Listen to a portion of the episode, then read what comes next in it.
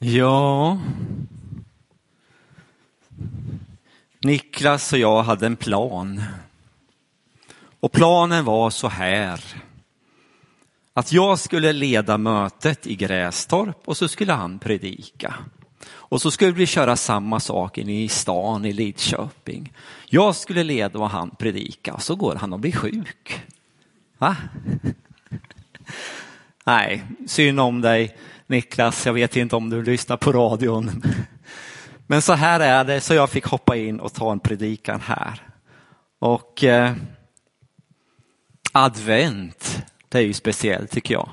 Det är riktigt gött med advent. Att eh, det är en härlig tid på många sätt.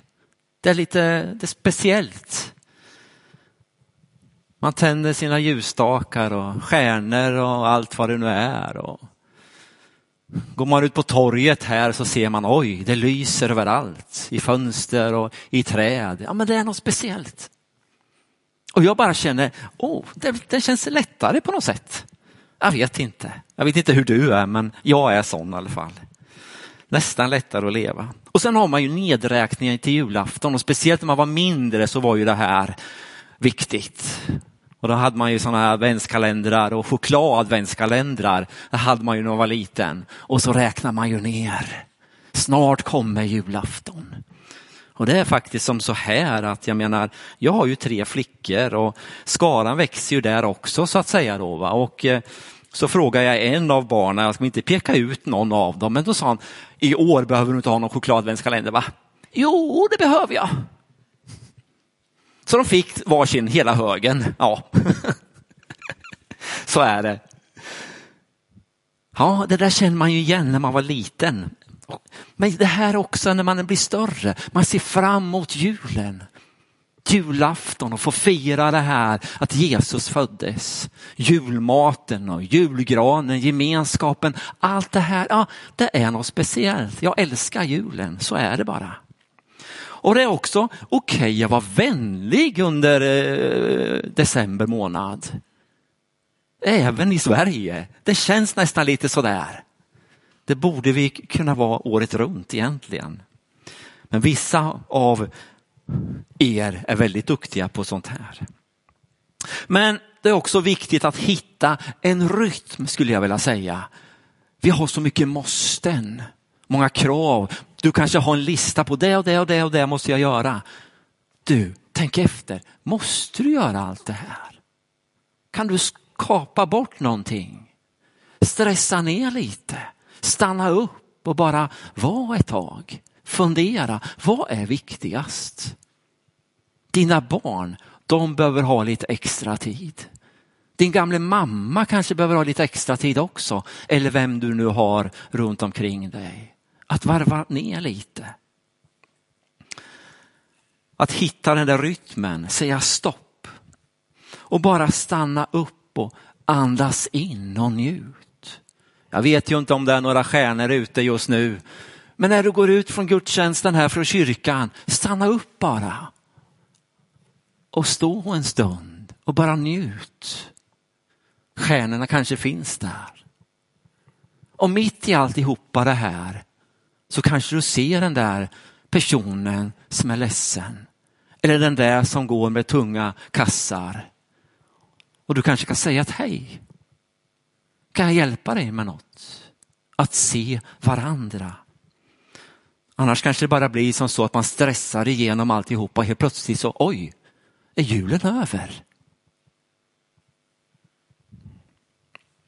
Ja, julen är också jobbig för vissa. Så är det. Och här får vi hjälpas åt att lindra smärtan. Att vi finns för varandra. Men advent ja, vi har ett tema under advent och det är din konung kommer. Punkt, punkt, punkt. Igen. Det handlar om två saker. Jesus kommer men en dag ska han komma tillbaka. Vi kan läsa om det i Apostlagärningarna 1 och 11 att han ska komma tillbaka. Och eh, då blir Gudsriket synligt till hundra procent skulle jag vilja säga. Ta bara som det står i Jesaja 11.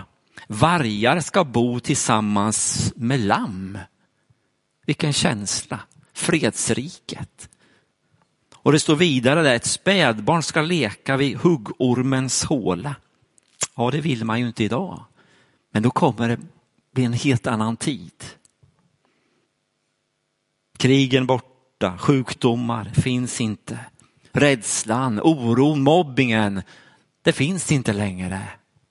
Vilken framtid Bibeln talar om, det som ligger framför. Men eh, det är inte det jag ska tala om nu, utan nu går vi tillbaka till advent. Advent. Vad står advent för? Jo, det står för ankomst. Han har kommit. När jag var mindre så tänkte jag, advent, ja men det hänger väl ihop med väntan. Ja, det gör det ju på ett sätt. Gör det ju det. Men eh, det handlar om ankomst. Han har kommit. Och vi hörde ju texten här från Amanda när hon läste från Matteus 21, 1-11. Och jag vill bara repetera några versar, verserna 8 till 11. Och det står så här. Den stora folkmassan bredde ut sina mantlar på vägen. Andra skar kvistar från träden och strödde på vägen. Och folket, både, eh, både det som gick förbi eh, både det som gick före honom och det som följde efter ropade Hosianna, Davids son, välsignad är han som kommer i Herrens namn. Hosianna i höjden. När han drog in i Jerusalem kom hela staden i rörelse och man frågade, vem är han? Folket svarade, det är profeten, Jesus från Nasaret i Galileen. Här var en fråga. Vem är han? Vem är han? Han som sitter på den där åsnan. Vem är han?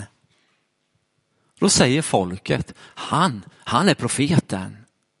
Profeten, de vet vad de talar om. Profeten från gamla testamentet, det står bland annat om honom i femte Mosebok. Det står om honom i Sakarja 9 och 9. Och i 9 och 9 står det, fröjda dig stort dotter Sion, jubla dotter Jerusalem. Se din kung, Eh, se din kung kommer till dig, rättfärdig och segerrik är han. Han kommer ödmjuk ridande på en åsna, på en åsninnas föl. Här rider han in i Jerusalem och de kan koppla ihop det här bibelordet med det som händer i Jerusalem. De ser han, han, han rider ju på den här åsnan. Det är precis som Sakarja sa 600 år innan. 600 år innan. Här kommer han, kungen Messias. Och det här var en spontan hyllning. Det var inte någon arrangerad sak. Utan de hyllade honom verkligen. De tog av sig manteln och lade den på backen. De skar eh, kvistar och lade på, på backen. De tog av sig alltså manteln och så, så la de den på backen. Smutsigt och dant. Där, där la de den och så rider Jesus på den. Nämen, så de gör. Den blir ju smutsig. Den blir ju förstörd. Så kan man väl inte göra. Men de brydde sig inte. De eh, förstod att det var något speciellt. Och när de gjorde det här så vittnar de om att de hyllar en kung. En kung. Det var ett tecken på underdånighet. Du är störst, du är mäktig. Det är dig vi vill följa. Det är dig vi, vill, det är dig vi litar på.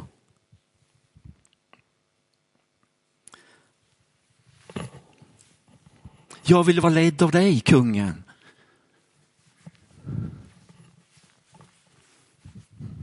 Och så sjöng de Hosianna. Vad betyder det? Hos i Anna. Vad betyder det? Jo, rädda oss, rädda oss. Det är ett bön, bönrop. Och det var en hälsningsfras som ofta användes på Bibelns tid. när de mötte en kung. Rädda oss, fräls oss, hjälp oss. Och det ropar de när Jesus red in i Jerusalem. De visste och de förstod, det här är en kung. Honom som vi har väntat på så länge. Jesus kom som en frälsare. Försök att sätta in i situationen. De hade väntat i 600 år. Romarriket hade ockuperat Israel, judarna. De var förtryckta.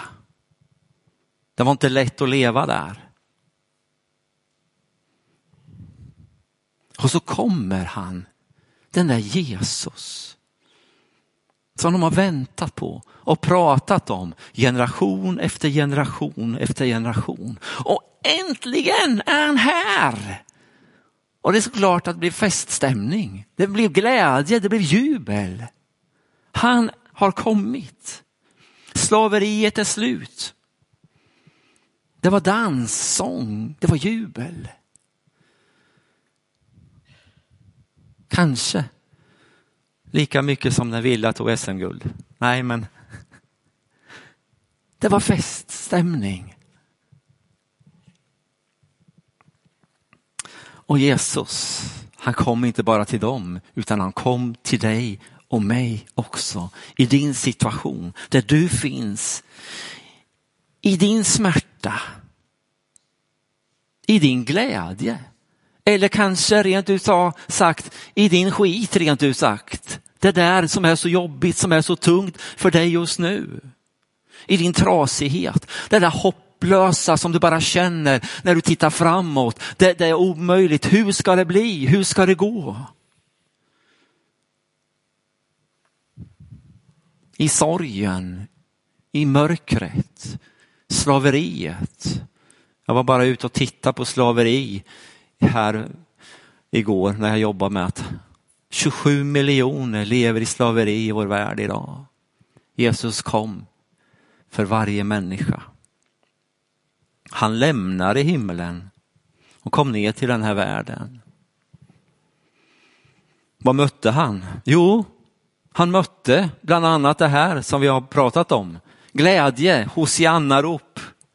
Men så mötte han också hat, han mötte misshandel, död till slut. Men i det här så ser han just dig. I din situation där du är.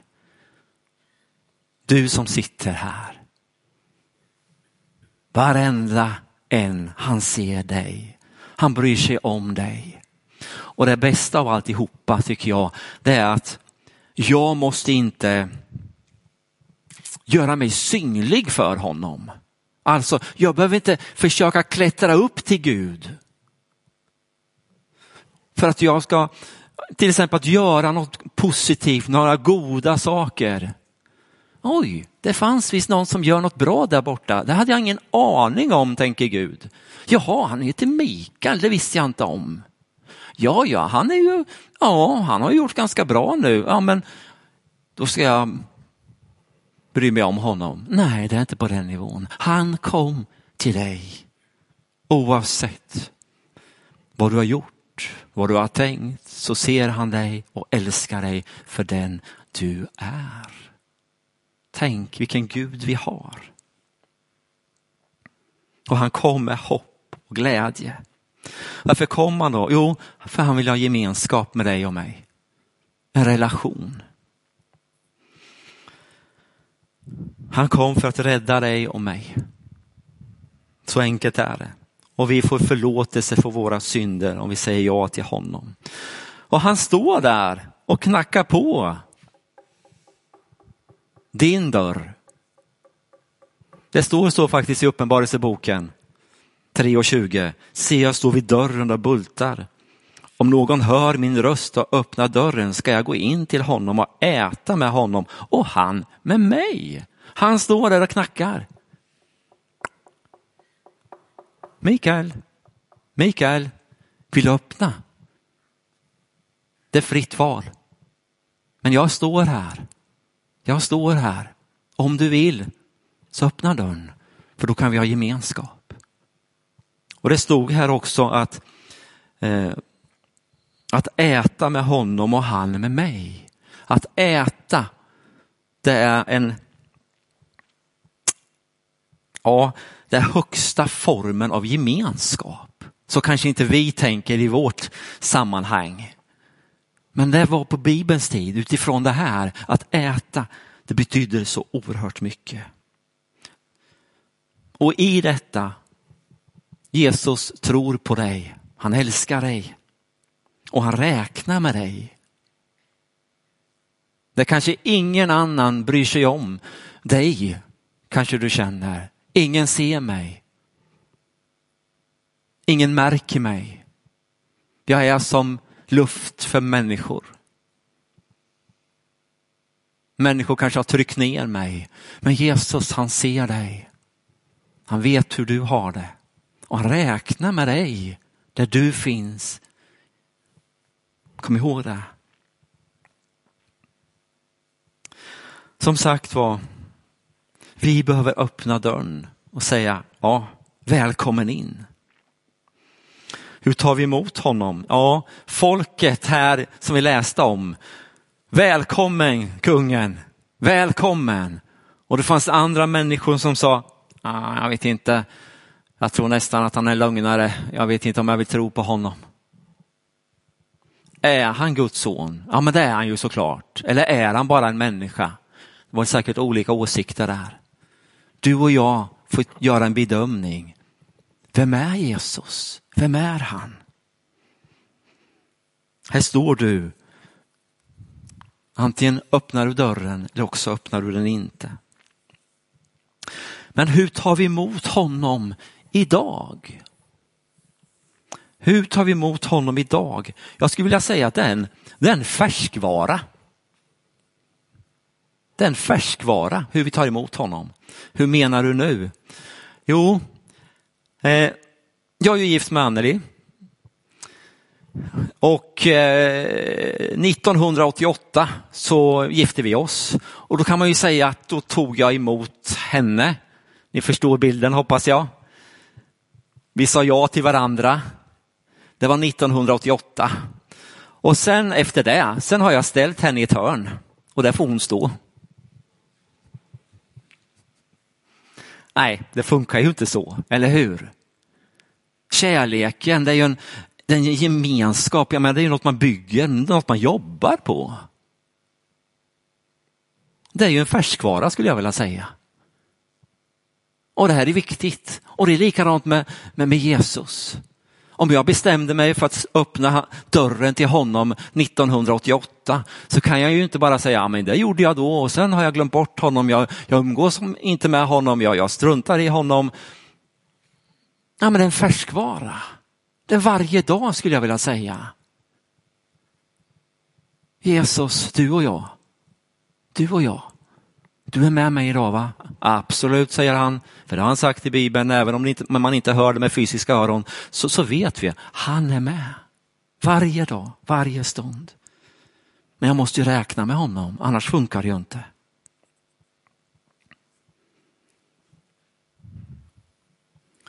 Det gäller som sagt var att säga ja till honom. Precis som de gjorde när han red in. Jag vill ledas av dig, jag vill följa dig och vara dig lydig. Det gäller oss här idag. Det handlar ju om en gemenskap som sagt var. Att följa honom, det handlar ju också om att, eh, att han har ett uppdrag för oss. För dig, där du finns.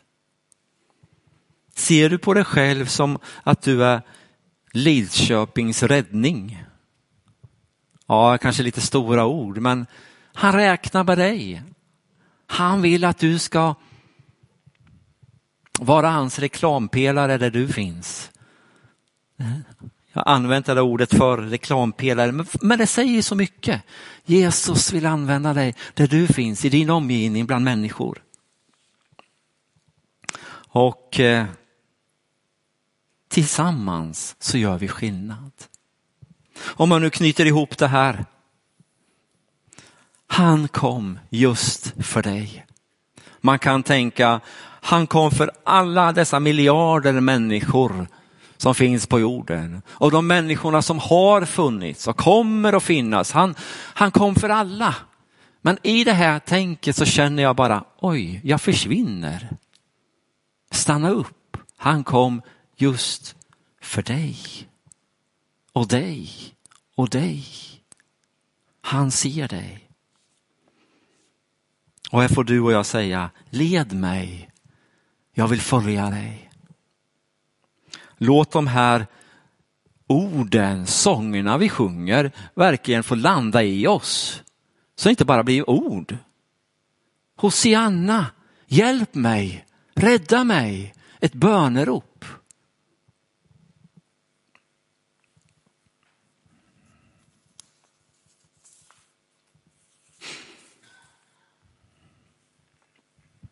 Ja, advent, en spännande tid.